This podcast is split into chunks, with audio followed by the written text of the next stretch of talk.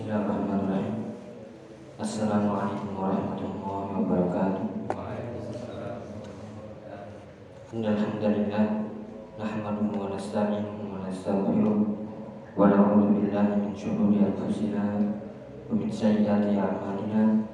Man yahdihillahu fala mudilla Wa man yudlil fala hadiya Asyhadu an la ilaha illallah wahdahu la syarika lah Wa asyhadu anna Muhammadan abduhu wa rasuluh. sallallahu alaihi wa ala alihi wa ashabihi wa man saru ala nahjihi ila yaumiddin. Qala Allah Ta'ala fi Qur'anil Azim, ya ayyuhalladzina amanu taqullaha haqqa tuqatih wa la tamutunna illa wa antum muslimun.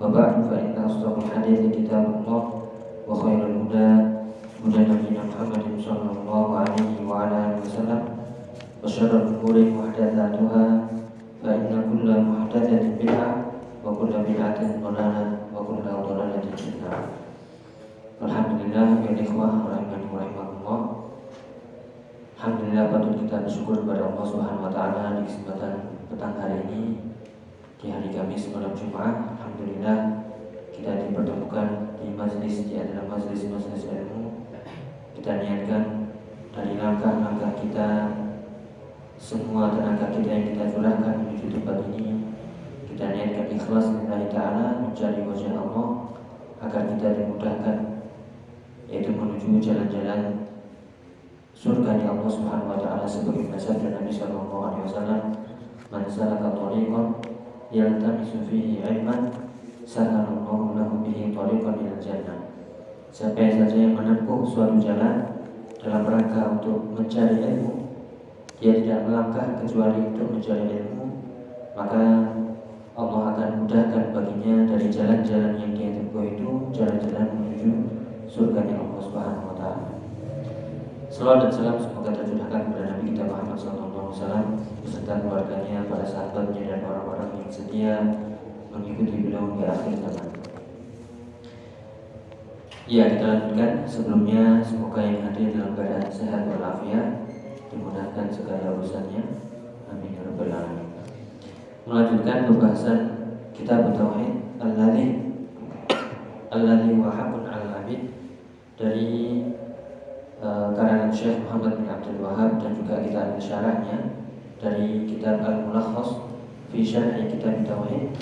Alhamdulillah kita sudah sampai di bagian akhir ya dari bab fadlu tauhid atau fadlu tauhid wa ma yukaffiru min bab keutamaan tauhid dan bahwasanya tauhid itu bisa menghapuskan dosa-dosa yang sangat besar kecuali dosa dosa syirik. Ya semua dosa selain syirik maka itu tahta masyiatillah. Semuanya di bawah kehendak Allah. Jika Allah menghendaki diampuni maka diampuni. Jika Allah menghendaki diadab itu pun dengan keadilan Allah Subhanahu wa taala. Akan tapi ya banyak sekali dalil-dalil yang menunjukkan keutamaan tauhid. Yang penting dia yaitu terhindar dari syirik dan dia punya amal soleh, maka di situ ada rahmat Allah. Ya, kasih sayang Allah kepada hamba-hambanya yaitu dengan diampuni dosa-dosanya meskipun ya sebanyak ataupun nanti disebutkan uh, sepenuh bumi. Ya, sepenuh bumi dosa. Bisa kita bayangkan dosanya sepenuh bumi. Seberapa banyak dosanya? Yaitu bisa diampuni oleh Allah Taala dengan syarat dia mentauhidkan Allah dia tidak mati dalam keadaan syirik.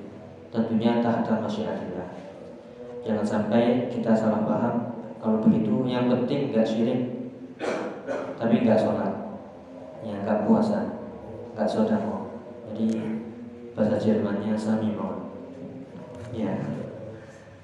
Jadi silakan dilanjutkan oleh Tirmidzi ini hadis yang terakhir yang dibawakan oleh uh, Al Muallif. Silakan mungkin ada yang baca.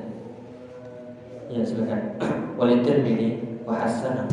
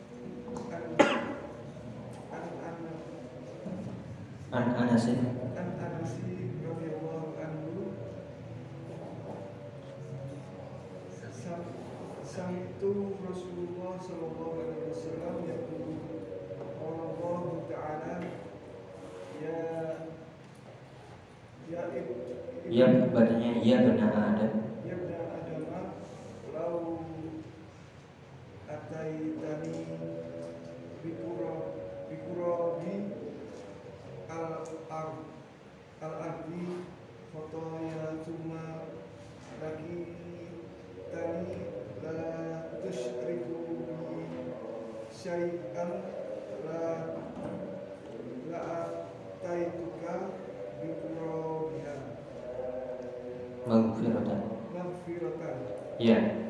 Itu hadis terakhir sebagai dalil yang menunjukkan keutamaan tauhid bahwasanya tauhid itu bisa menghapuskan dosa-dosa besar kecuali dosa syirik. Disebutkan oleh Tirmidzi dari uh, perawinya yaitu Al Imam Tirmidzi dan beliau menhasankannya. Kalau kita sebutkan Tirmidzi maka kita ya terbayang dengan kitab beliau namanya kitab ya Sunan At-Tirmidzi. Kutub Sunan itu ada empat ya. Sunan At-Tirmidzi, Sunan Ibnu Majah, Sunan Abu Dawud dan Sunan Ya. At-Tirmidzi, Ibnu Majah, Abu Dawud dan An-Nasai. Ya. Nah, itu sudah ditakhrij ya di sini uh, hadisnya uh, labak sabi ya disebutkan oleh beberapa ulama al-hadis salah satunya Ibnu Rajab fi Jamil Ulum wal Hikam isnaduhu la ba'sa sanadnya tidak mengapa artinya bisa dijadikan hujah. Apa hadisnya? Dari sahabat Anas bin Malik radhiyallahu anhu Sami'tu Rasulullah sallallahu alaihi wasallam yaqul. Aku mendengar Rasulullah bersabda sallallahu alaihi wasallam qala Allah taala. Nah, kalau mendapati hadis seperti ini berarti hadisnya ya hadis qudsi.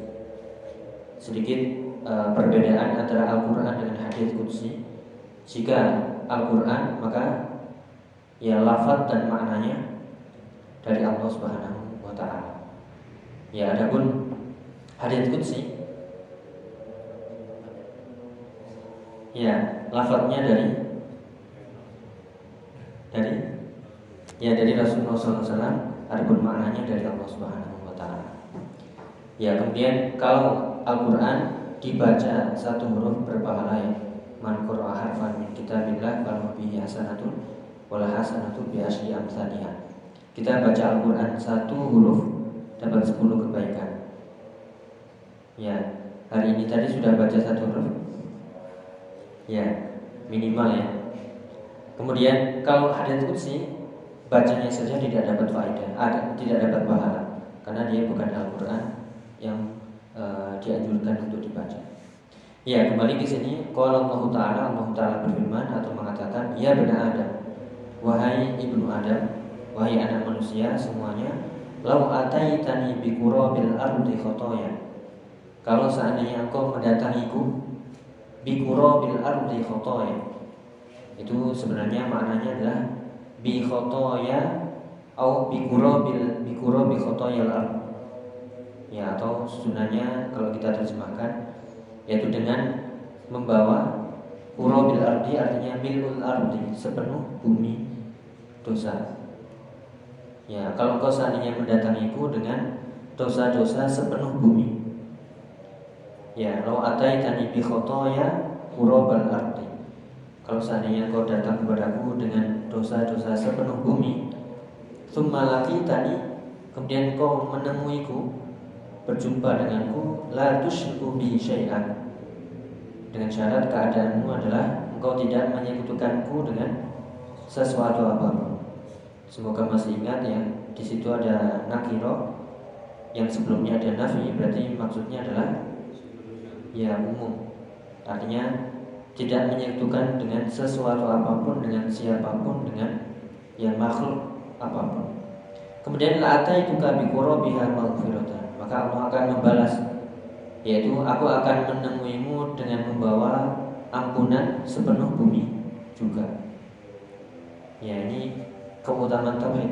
Artinya orang-orang yang menghindarkan diri dari syirik ketika dia meninggal tidak membawa dosa syirik, maka dosa-dosa selain syirik Allah akan mengampuninya meskipun itu seluas atau sepenuh sepenuh bumi Allah akan mendatangkan ampunan sepenuh bumi juga ya kita lihat hadisnya ya apakah hadis ini mutlak begitu saja atau ada ya ada ikatan-ikatan yang lain sehingga harus ditafsirkan uh, dengan syarat-syarat tertentu ataukah pokoknya ya meninggal tidak berbuat syirik pasti diampuni Apakah seperti itu? Ya nanti akan ada penjelasannya. Karena sebagaimana kita sebutkan ya, kita ulang-ulang bahwasanya misalnya man kana akhiru kalami la ilaha illallah dakhala jannah. Man qala la ilaha illallah khalisan min qalbihi dakhala jannah. Nah, di situ ada syarat-syaratnya ya. Siapa yang mengatakan la ilaha illallah khalisan min qalbihi ya atau ibtigha'a wajhi wajhi ibtigoa uh, mengharapkan wajah Allah Subhanahu wa taala. Tidak dikatakan siapa yang mengatakan la ilaha illallah masuk surga, tidak, tapi ada apa? Ya, ada ikatan-ikatan syarat-syarat sehingga tidak semua orang yang mengatakan la ilaha illallah pasti masuk surga. Jadi ada ikatan-ikatan yang pernah kita bahas. Uh, memang benar la ilaha illallah itu kunci kunci surga. Akan tapi tidak semua kunci itu bisa digunakan untuk membuka pintu kecuali jika apa ya? Ya gigi-giginya sudah pas dan gigi-giginya inilah yang disebut dengan takyid, ikatan-ikatan, syarat-syarat sehingga perkataan la ilaha illallah itu ber, bermanfaat bagi orang yang mengatakannya. Jika tidak maka ya tidak akan bermanfaat. Ya hanya sekedar ucapan saja. Ya jadi itu kembali kita artikan Allah Ta'ala berfirman Wahai anak Adam Jika seandainya engkau datang kepadaku dengan membawa dosa sepenuh bumi Kemudian engkau menemuiku dengan tidak menyekutukan aku dengan sedikit pun Dengan sesuatu apa pun Maka aku akan datang kepadamu dengan membawa Ya ampunan sepenuh bumi juga. Jadi impas. Ya kita lanjutkan pembahasannya. Silakan. Anas siapa itu? Sahabat Anas bin Malik. Radhiyallahu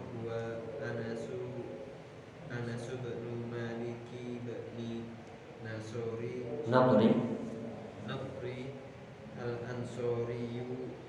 Al-Khazrajiyu. Khadimu Rasulullah Sallallahu Alaihi Wasallam. Khadimahu Khadamahu. Khadamahu Ash Asyara Sinina. Wa qala Nabi Sallallahu Alaihi Wasallam Allahumma Akthar Akthir. Akthir Malahu Wa waladahu adkhilhu adkhilhul jannah. Ya. Mata sanatan tisruna isnaini tisnaini. Isnaini oh, isnaini wa tis'in. Tis'in. Ya wa tis'in. Wa qila sanatan sanata. sanata uh, salah salah salah satin wa salah satin wa tis tisatin tis'ina tis'ina minal minal hijrah. Minal minal hijrah. Wa qad jawaza mi'atan ya mi'ata ya kita uh, perkenalan di sini sahabat Anas bin Malik yang ma'ruf dan masyhur dari para sahabat Nabi Sallallahu Alaihi eh, sahabat Nabi Sallallahu Alaihi Wasallam. Yaitu namanya adalah Anas bin Malik bin Nadr ya bin Nadri al Ansori al Khazraji. Jadi dari kaum ya dari kaum Ansor. Ya, khadimu Rasulullah Sallallahu Alaihi Wasallam. Beliau adalah khadim ya pembantu Rasulullah SAW. Uh, khadamahu ashra sinin yaitu mengabdi membantu Rasulullah selama 10 tahun. Yang dikatakan ya kalau kita membaca tidak pernah selama 10 tahun ini ya sahabat Anas bin Malik mendapat perlakuan keras. Ya. Bisa ya kita Ya begitu uh, mulianya akhlak Nabi Shallallahu Alaihi Wasallam yang dikatakan di surat uh, Nun ya. Wa inna la'ala khuluqin azim. Dan kau hai Muhammad benar-benar di atas akhlak yang mulia benar-benar berada di atas yang sangat agung. Sampai pembantunya ya selama 10 tahun mengabdi itu tidak pernah mendengarkan kata-kata yang buruk. Hanya mungkin mengatakan kenapa ya malaka ya kenapa ya tidak sampai ya menghardik, membentak dan sebagainya. Ya itu sahabat Anas bin Malik didoakan oleh Nabi waqala Nabi sallallahu alaihi wasallam Allahumma akthir malahu ya Allah akthir malahu apa ya banyakkanlah hartanya. Wa walada dan anaknya. Wa adkhilhul jannah.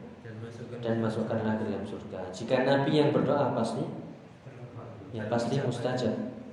Dan memang benar bila hartanya banyak di akhir hidupnya ya kemudian uh, anaknya anak keturunan banyak bahkan beliau termasuk uh, orang yang ya meninggal paling lama dikatakan di situ ya berumur panjang meninggal tahun 92 atau 93 Hijriah dalam keadaan atau umur lebih dari 100 tahun. Ya bisa kita ambil faedah di sini ya uh, bahwasanya ada nama-nama sahabat yang diberikan kabar masuk surga selain Ya 10 al-mubasyaruna bil jannah. Ya, selain 10 nama sahabat yang dijamin masuk surga ada sahabat-sahabat yang lainnya. Uh, hafal ya nama-nama Avengers. Ya nama-nama sahabat yang masuk surga 10 Ya dari Khulafaur Rasyidin 4 ya. Abu Bakar, Umar, Utsman, Ali. Kemudian? Ya, ya Abdurrahman bin Auf ya kemudian uh, biar mudah ya saat ya kemudian uh, Abi Saat kemudian ya Said. Zaid bin Zaid. Oh, Zaid Said dan lupa ya. Ya jadi uh, Abu Hamad bin Auf ya, kemudian Tolha bin Ubaidillah, ya kemudian Zubair bin Ya Zubair bin Awam kemudian. Abu Baidah. Abu Bidah al Ya uh, ada saat bin Abi Waqqas sama saat bin Mu'ad. Ya satu lagi. Masa harus google ya?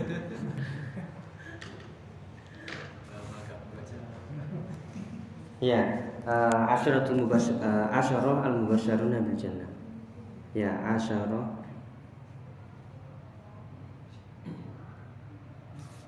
al mubasyarina bil jannah.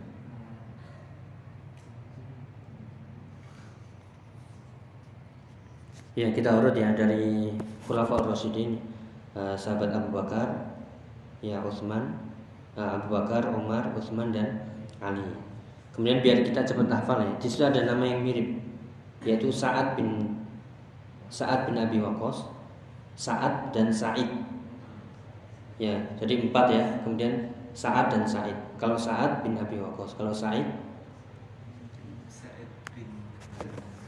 Sa'id bin Ya, Sa'id bin Zaid.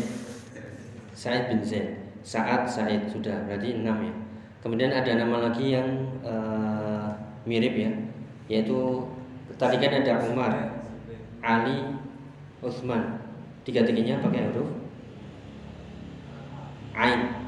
Ada lagi yang huruf Ain yaitu Abdurrahman bin Auf. Ya Abdurrahman bin bin Auf. Berarti kan tujuh ya. Ya kemudian ada nama yang uh, ya yang menyendiri ya.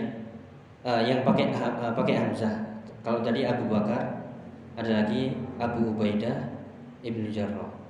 Ya dan Zubair bin bin Awam. Dan yang terakhir yaitu Tolha bin ya Tolha bin Ubaidillah. Ya coba ya. Ya Abu Bakar ya Umar Utsman Ali. Kemudian Sa'ad bin Abi Waqqas Sa'id bin Zaid. Kemudian Abdurrahman uh, Abdurrahman bin Auf, Abu Ubaidah bin Jarrah, Zubair bin Awam, dan terakhir Tolha bin Ubaidillah.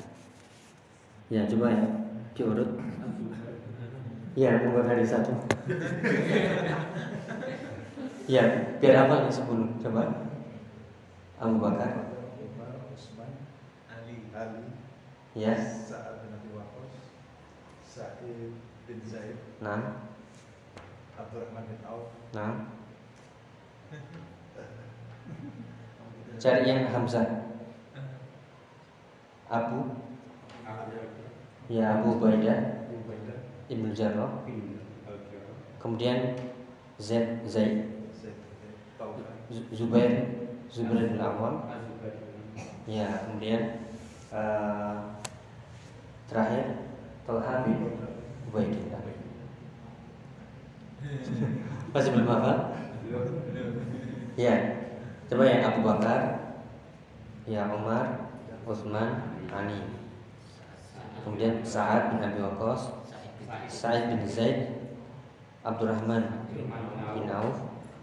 Kemudian Abu Ubaidah bin Jarrah Az-Zubair bin Awam Dan Tolhah bin Ubaidillah. Udah 10 Hilang aja Banyak, banyak utang kayaknya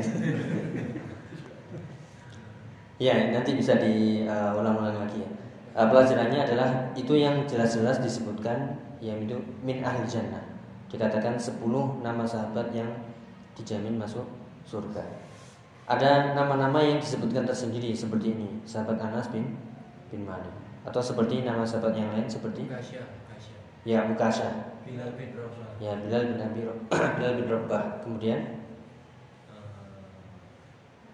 Hamzah ya Hamzah yang ketika perang ya atau Ja'far uh, Ja'far bin Abi Thalib yang disebut dengan At-Tayyar. Apa itu At-Tayyar? Toyar itu pilot bahasa kita. ya. Kenapa disebut gitu Iya. Karena ketika peperangan tangannya megang bendera kena pedang putus. Kemudian diambil lagi tangan kiri putus lagi.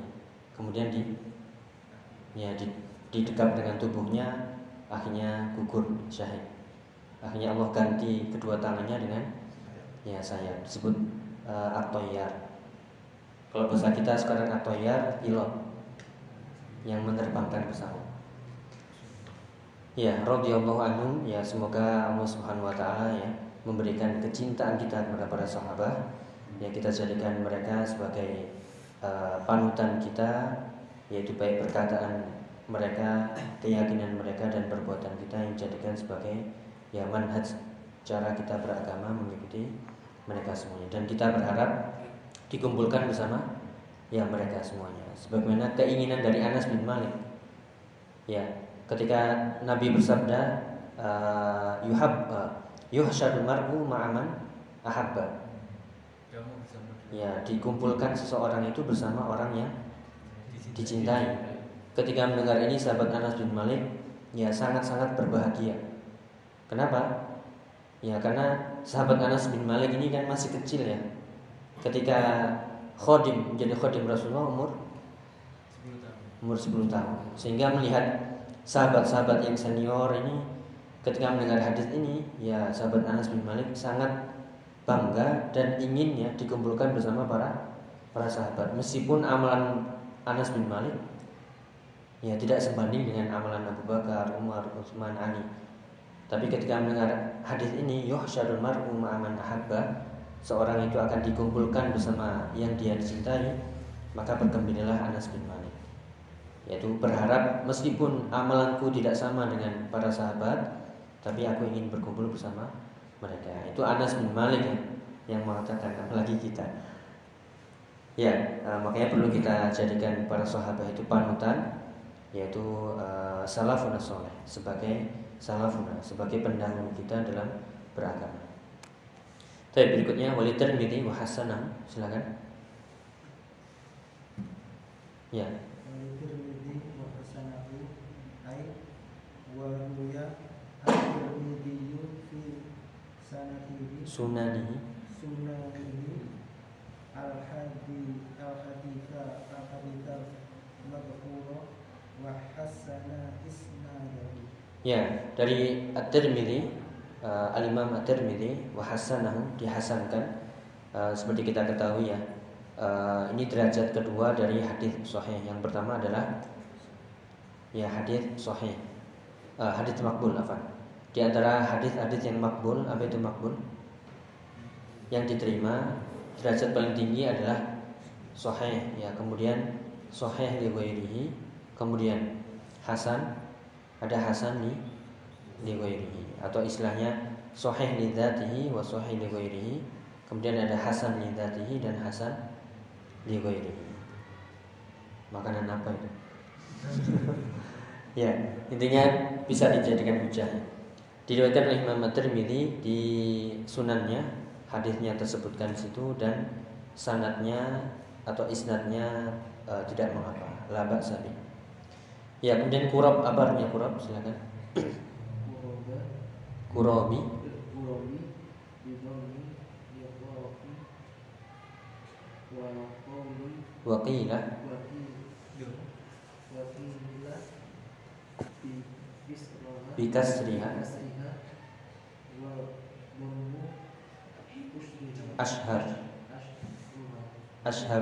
Ashharu Wa huwa uh, mil'uha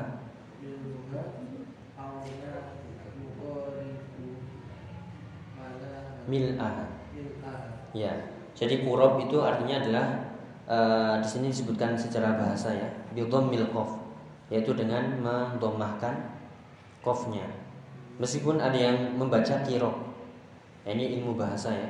Ada yang membaca dengan domah, ada yang membaca dengan kasroh. Boleh kurob atau kirok. Tapi ya kurob itu lebih asyhar. Apa itu asyhar? Lebih masyhur, lebih banyak dibaca. Ya, wa huwa mil'uha. Yang dimaksud kurab ada adalah mil'uha. Mil itu apa artinya? Ini kita baca setiap i'tidal ini. Kalau artinya paham? Sami Allahu liman hamdah. Terus Rabbana walakal hamdu. Hamdan katsiran thayyiban mubarakan fi. Terus Lupa ya? Ya, hamdan katsiran thayyiban mubarakan fi. Terus sampai itu. Ya, ada yang hafal baca? Sudah. Ya, hamdan katsiran thayyiban mubarakan fi. Terus mil'us samawati wa mil'ul ardi wa mil'u ma syi'ta min syai'in ba'du. Itu, itu apa artinya? Mil'us samawati wal ard. Mil'us samawati. Ya, mil'u itu artinya sepenuh. Ya, makanya di ada surat ya.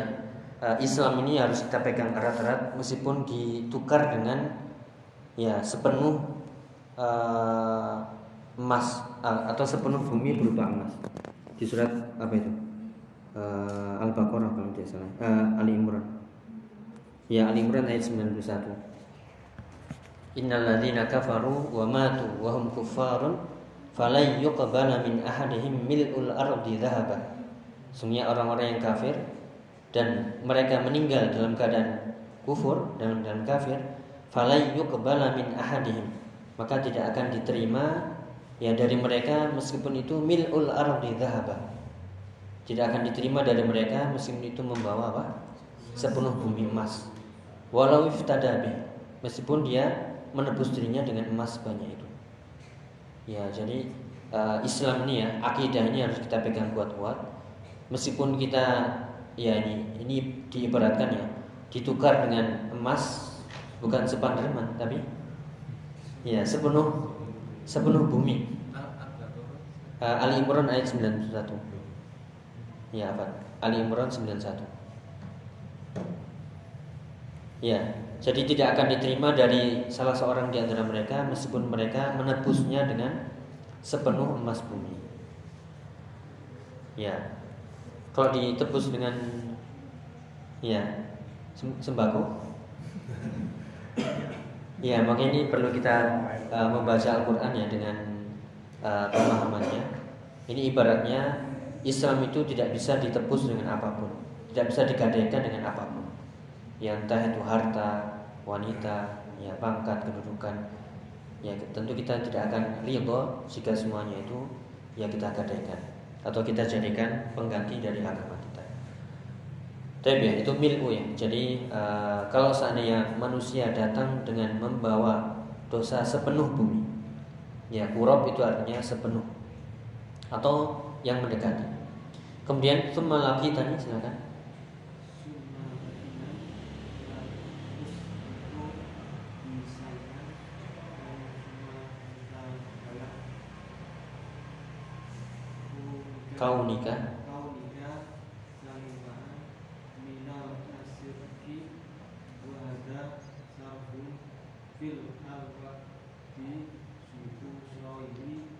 Husulil maghfirah. Ya. Summa tani kemudian kau datang kepadaku dalam keadaan la tusyriku bi syai'a dengan tidak menyekutukanku dengan sesuatu apa pun artinya adalah summa mutta hala nikah saliman. Kemudian kau mati meninggal dalam keadaan saliman. Apa saliman? Selamat. Selamat minasyirki. Ya, selamat dari kesyirikan wa hadza syartun fil wa'di bi husulil maghfirah. Ini adalah syarat akan janji Allah berupa apa?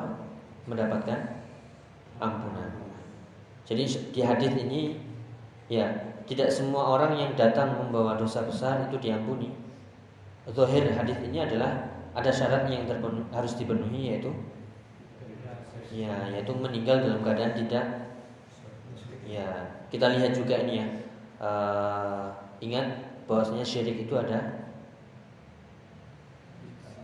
ya ada dua yang ada akbar dan aswar maka kita harus selalu ya baca doa Allahumma inni a'udzubika an usyrika bika wa ana a'lam wa astaghfiruka lima la alam. Ini harus dihafalkan dan harus diulang-ulang dibaca di setiap doa-doa kita, adzan dan iqomah ataupun di sujud-sujud kita. Karena kita tidak tahu kadang ada syirik yang khafi. Apa itu khafi? Ya yang tersembunyi. Entah itu dari niat kita yang berubah sedikit ya. Ya, atau uh, tiba-tiba terjadi perubahan niat dan kita tidak sadar. Maka harus selalu yang muhasabah. Ya, jadi syaratnya di sini adalah tidak membawa dosa syirik. Ya, kemudian maghfirah artinya Ya, al-ghafru lugatan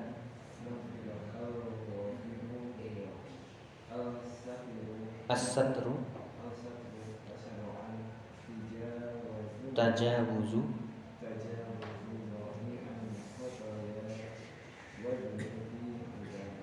Ya, maghfirah itu artinya dari kata al-ghafru dari bahasa Arab ya. Yang artinya asatru. Apa itu asatru? Putus hubungan? Bukan ya. Asatru artinya ini, sater, sita, pembatas, penutup. Artinya ketika Allah mengampuni kita berarti Allah menutup ya dosa-dosa kita, aib-aib kita secara bahasanya. Adapun secara istilah dan istilah atau syar'i adalah tajawuzullahi an khotoya Allah mengampuni ya khotoya artinya kesalahan-kesalahan wa dzunubi ibadi dan dosa-dosa hambanya. Ya apakah ya ada manusia ya yang tidak pernah berbuat dosa? Ya tentu tidak ada. Maka perbanyaklah kita beristighfar. Nah, sebagai faedah juga ya eh, ada di surat Nuh ya ayat berapa itu? 10 sampai 12 uh, apa faedah istighfar? Yang ini uh, dikisahkan oleh Imam Al Hasan Al Basri. Ya, ketika ada seorang yang sambat, ya Imam, ini sekarang lagi musim kering, nggak turun-turun hujan. Maka apa kata Imam Hasan Al Basri? Beristighfarlah. Ya, kemudian datang satu lagi, ya Imam ya, saya belum punya anak, sudah lama menikah istighfarlah ya imam ini miskin saya ini uh, rezekinya apa ya macet dagangan nggak nggak laku-laku ya apa? Istighfarlah ada datang lagi. Ya imam uh, kebun saya nggak panen-panen. Ada aja apa panennya apa namanya? Uh, hama yang berusaha ya. Nggak bisa diambil faedahnya. Maka istighfarlah akhirnya ada yang bertanya uh, wahai imam itu ada orang bermacam-macam ya minta fatwa kepadamu. Satunya minta ini, minta ini, minta ini, tapi engkau jawab cuma satu saja. Yaitu apa? Istighfar. Maka apa kata Imam Hasan Al-Basri? Ya, yaitu menukil di surat Nuh ya, ayat 10 sampai 12. Itu bukan saya yang mengatakan kata Imam Imam Hasan Al-Basri, tapi itu adalah dari firman Allah taala, "Faqul tastaghfiru rabbakum innahu kana ghaffara." Ya, faqul tastaghfiru. Uh, Nabi Nuh mengatakan kepada umatnya, "Qultu istaghfiru, beristighfarlah." Ya, faqul tastaghfiru innahu kana Ghafar. Sungguhnya Allah itu Maha Pengampun. Terus apa balasannya? Yursilis sama alaikum midrara. Maka Allah akan mengirimkan ya di dari langit itu midror hujan yang ya lebat berturut-turut sehingga tidak ada musim kering. Kemudian wa yumdidukum bi amwali wa banin. Ya wa yumdidukum bi amwal maka Allah juga akan menambahkan amwal. Apa itu? harta. Rezekinya bertambah. Wabanin ya yang belum punya keturunan akhirnya langsung dapat keturunan. Kemudian wa yaj'al lakum jannatin wa yaj'al lakum. Ya sehingga jadikan kebun-kebun itu subur ya sungai-sungainya lancar ya itu faedah istighfar dengan syarat ya istighfarnya benar-benar yaitu astagfirullahaladzim ya atau lafaz-lafaz istighfar yang lainnya ya atau uh, astagfirullah atubu seperti yang dicontohkan oleh Nabi Shallallahu Alaihi la astaghfirullah fil yaumi mi'ata marrah. Sungguhnya aku beristighfar kepada Allah itu sehari seratus kali. Berapa kita istighfar? Ya. Ada dalam riwayat yang lain 70 atau 100 kali. Dengan istighfar yang istighfar nasuh ya, yang murni yang tulus. Seperti taubatan nasuha. Ya maka kita manfaatkan uh, waktu-waktu kita. Uh, istighfarnya apa sih maksudnya oh iya. istighfar Nah, itu jika yang di uh, zikir pagi dan petang, jika memang ada lafaz-lafaz istighfar di situ maka uh, termasuk. Yang penting Rasulullah mencontohkan adalah uh, beristighfar sehari 70 sampai 100 kali. Kalau misalnya kita sudah baca di pagi, maka ya sudah cukup. Meskipun kita ya itu nabi ya, artinya bila sudah diampuni dosa yang telah lalu dia akan datang dan istighfarnya benar-benar istighfar. Tapi kalau kita kan mungkin sambil ketiduran. Istighfarnya astagfirullah kok ngantukin. Iya. Makanya istighfaruna yahtaju ila istighfar. Maka istighfar kita itu butuh di, di istighfar Ya. Uh, kita lanjutkan al-makna al-ijmali dari hadis. Silakan.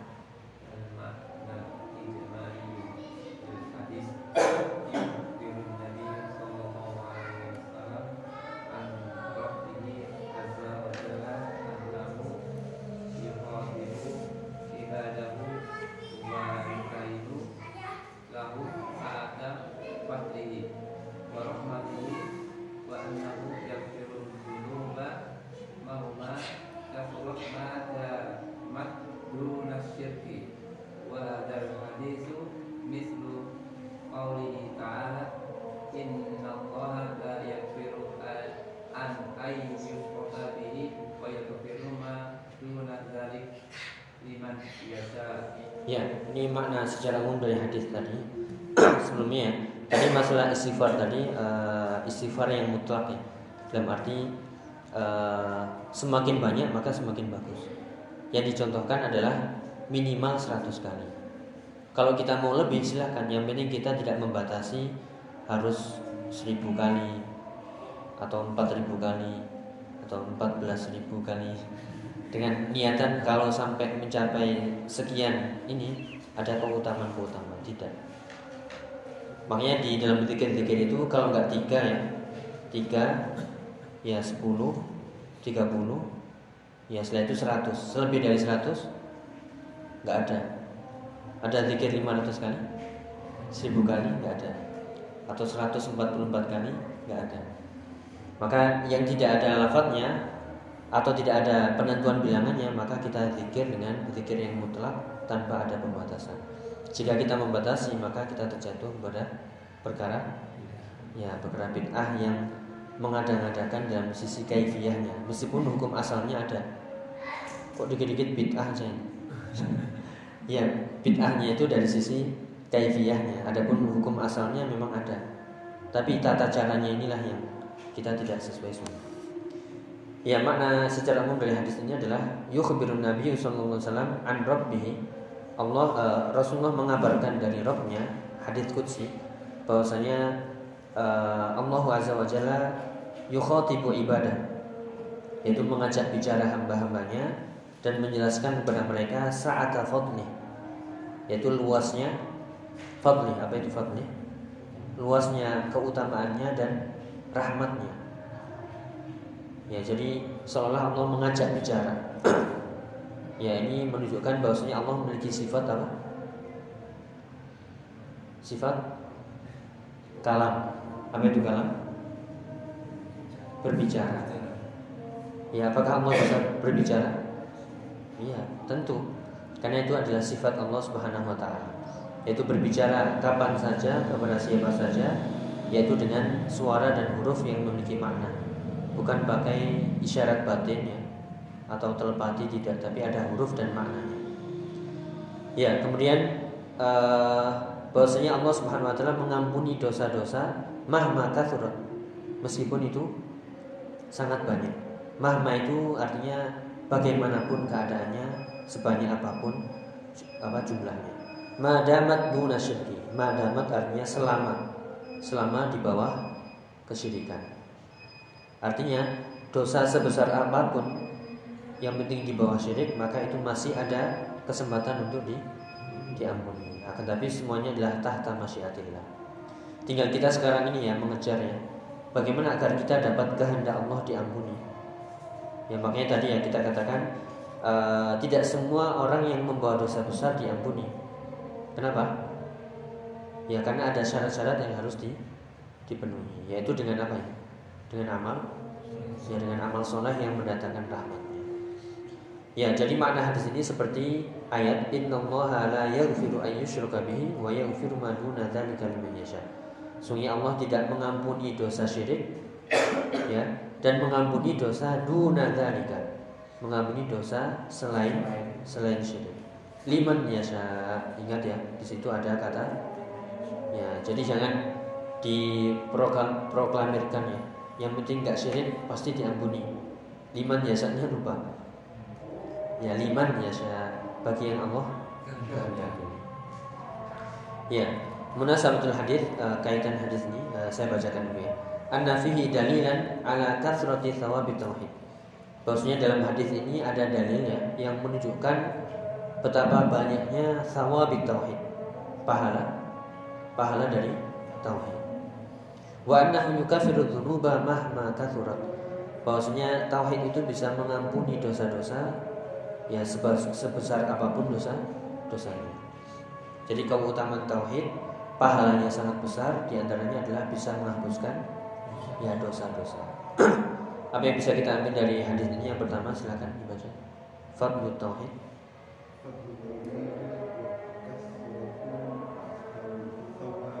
Ya, yang pertama faedah dari hadis ini adalah keutamaan tauhid ya dan banyaknya pahalanya.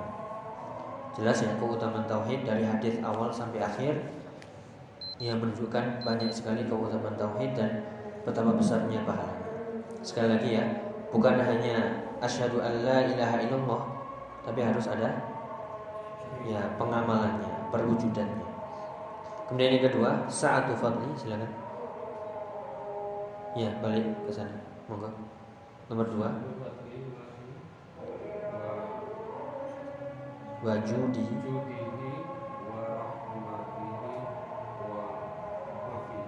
Ya, yang kedua adalah sa'atu fadlillah. Betapa luasnya keutamaan Allah. Ya, betapa luasnya uh, kemurahan Allah dan rahmatnya dan juga ampunannya. Ya. yaitu kita bacakan tadi ya seandainya manusia datang ya itu semua manusia datang dengan membawa dosa sepenuh bumi. Ya Allah akan datang dengan ampunan dengan keutamaan dengan kemurahan sepenuh bumi juga. Maka ini adalah yaitu menunjukkan betapa luasnya rahmat Allah Taala. Yang penting kita tidak boleh apa? Merasa ya merasa aman dari siksa Allah. Dengan bersandar kan Allah maha maha pengampun sehingga kita yang meremehkan ya dosa-dosa nah, nah kemudian yang ketiga ar-raddu ala.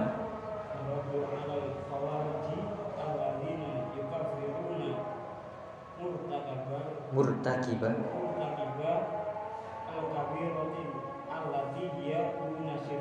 ya ini ar-raddu bantahan kepada kaum khawarij yang mereka yaitu mengkafirkan pelaku dosa besar.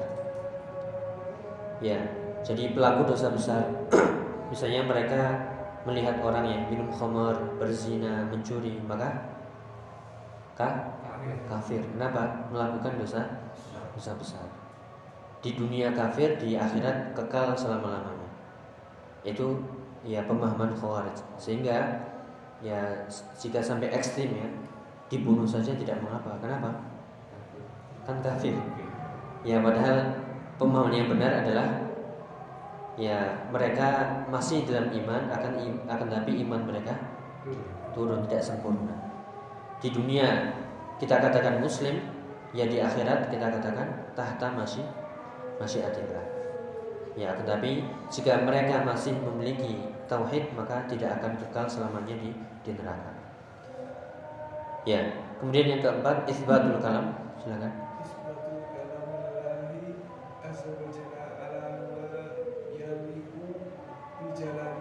Ya, penetapan sifat Allah berbicara sesuai dengan keagungannya. Kita tidak mempermisalkan bicaranya Allah dengan bicaranya makhluk. Kalau Allah bisa berbicara berarti kayak makhluk dong. Yaitu gaya bicaranya ini tidak. Kaifiahnya kita katakan apa? Wallahu a'lam. Sebagaimana wajah Allah Allah memiliki wajah Allah memiliki tangan. Tapi wajah Allah dan tangan Allah tidak seperti makhluknya. Laisa kamitslihi syai'un ya ini harus kita ulang-ulang ya. Karena ini kadang-kadang subhat muncul. Kadang-kadang subhat muncul di pikiran kita sehingga kita meragukan. Pernah? Ya itu harus di diobati. Dan kita bacakan ya uh, nomor lima. Bayanu bayanu li makna la ilaha illallah. Penjelasan makna la ilaha illallah wa annahu tarku syirki qalilihi wa kathirihi harus meninggalkan syirik yang kecil maupun yang besar syirik akbar ataupun syirik asghar. Kenapa? Ya karena tadi lafadznya adalah umum. Yang penting tidak membuat dosa syirik. Maka harus dijauhi syirik kecil maupun syirik besar. Wala yakfi qauluna qauluha bil lisan. Dan tidak cukup hanya mengatakan la ilaha illallah di lisan saja. Zikir sebanyak apa pun la ilaha illallah. Kalau tidak ngerti maknanya, kandungannya, tuntutannya, syarat-syaratnya maka dia tidak berfaedah.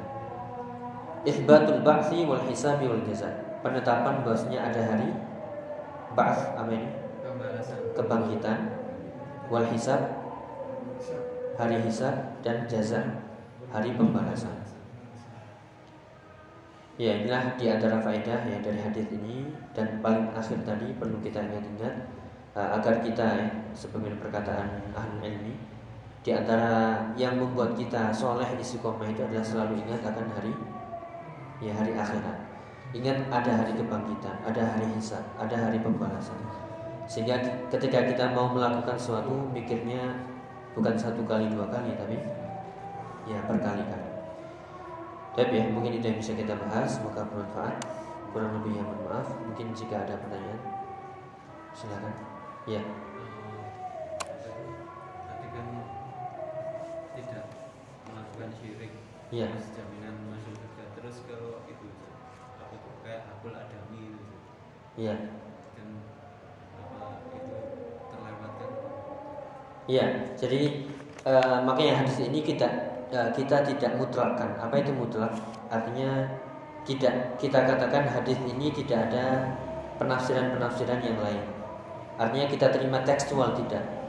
hadis ini ada penafsiran yang lain yaitu dibawa dengan hadis-hadis yang lain dari uh, riwayat-riwayat yang lain yang menunjukkan uh, ada syarat-syarat tertentu agar Allah apa?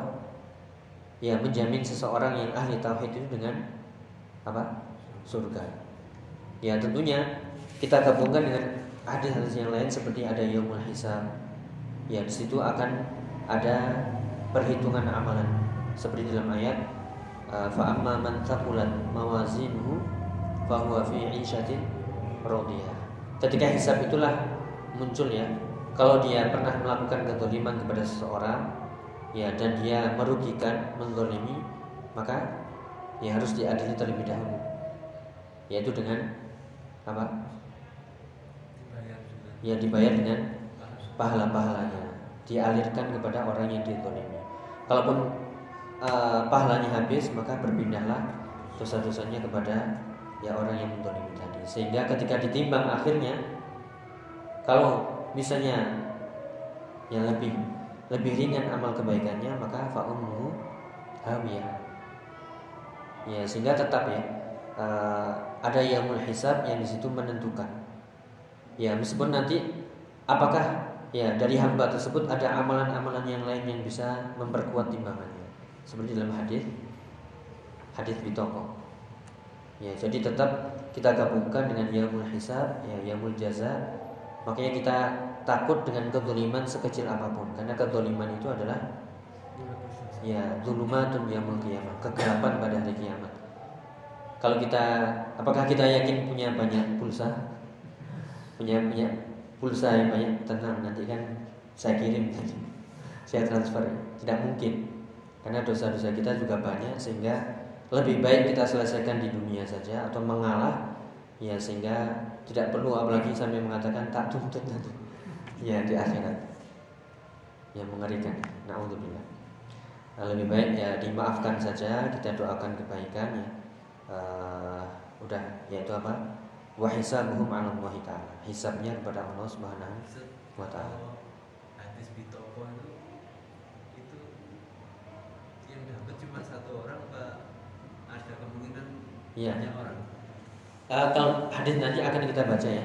Uh, di situ contoh bahwasanya uh, kan pelajarannya itu bukan bi khusus bi khusus sebab bukan dengan sebab yang khusus tapi bi umumil laf dengan lafaz yang umum. Sehingga kita ambil faedahnya bukan untuk satu orang saja tapi untuk seluruhnya. Ya makanya itu dijadikan dalil keutamaan tauhid la ilaha illallah bukan hanya kepada satu orang itu saja yaitu maknanya umum bukan uh, sebabnya pada orang itu saja sebagaimana tadi yang kita sebutkan uh, betapa luasnya rahmat Allah Subhanahu wa. Kecuali yang menjadi kekhususan seperti hadis Mukasyah ketika beliau berdiri, "Ya Rasulullah, ij'alni minhum." Jadikanlah aku dari golongan yang uh, 70 ribu uh, 70 ribu apa? Golongan yang masuk surga tanpa hisab tanpa azab akhirnya dikabulkan. Ya, agar menutup kesempatan yang lain ikut ya berdiri akhirnya siapa kau biha Ukasha. Engkau telah didahului oleh Ukasha. Ya jadi itu kesimpulannya ya. Makanya e, tidak benar kalau kita mengatakan kalau sudah ngaji sunnah mana salah pasti masuk surga. Sama-sama kita ini terancam dengan apa? Ya ter kita sama-sama mencari jalan-jalan menuju surga dan juga terawasi dan terancam dengan neraka. Kenapa? Dosa-dosa kita juga banyak. Ya, hanya yang membedakan kita mungkin mengerti ya mana yang benar bagaimana, akan tapi tidak menutup kemungkinan dosa-dosa kita juga banyak. Jadi beruntunglah orang yang mengerti manhaj ya, sehingga kita kurangi dosa-dosa kita dari maksiat-maksiat tadi. Ada yang lain ya mungkin dia maksiat tidak, tapi manhajnya ya jadi dosanya dari sisi ini kalau kita mungkin dari sisi ini, tapi kita tidak boleh mengatakan sudah dapat kafir surga ya tetap semuanya terancam ya. Cuman dari sisi manhaj ya. Kita katakan manhaj bukan orangnya kalau manhaj ya jelas yang dikatakan uh, ma ana alaihi yawma wa yang berpegang teguh dengan aku dan sahabat siapa mereka ya humul jamaah mereka itulah jamaah yang dikatakan paling dekat dengan Nabi dan juga dengan sunnah uh, sunnah Nabi dan sunnah para sahabat Nabi Shallallahu Alaihi Wasallam. Ya Allah taala Cukup ya. Ada lagi? Kalau berdolim sama orang terus misalnya kita berdolimi terus kita sudah melakukan maka misalnya itu masih ada. Iya, kita pakai uh, dalil yang lain yaitu man uh, man yassara musliman yassarallahu uh, yaumul qiyamah fid dunya wal akhirah. Atau kama qala Siapa yang memudahkan urusan seorang muslim di dunia, maka Allah akan memudahkan urusannya di dunia dan di akhirat. Ya lebih baik kita sudah maafkan saja. Ya kemudian gak usah dibalas. Kalau perlu kita balas dengan kebaikan sebisa mungkin. Kenapa? Kita berharap uh, perbuatan kita ini nanti berubah. Allah akan memudahkan urusan kita baik di dunia dan di akhirat. Karena kalau terus dibalas nggak akan pernah selesai. Justru penyakit itu akan terus timbul semakin besar semakin besar. Yang sana juga semakin besar, nggak pernah selesai. Ya. Jadi ada hadis-hadis yang menunjukkan uh, siapa saja yang membantu memudahkan urusan seorang muslim, maka Allah akan mudahkan urusannya di dunia dan di akhirat. Ya. Wallahu taala besar. Uh, kita akhiri semoga bermanfaat. Subhanakallahumma wa bihamdika asyhadu an la ilaha illa anta astaghfiruka wa atubu. Wassalamualaikum warahmatullahi wabarakatuh.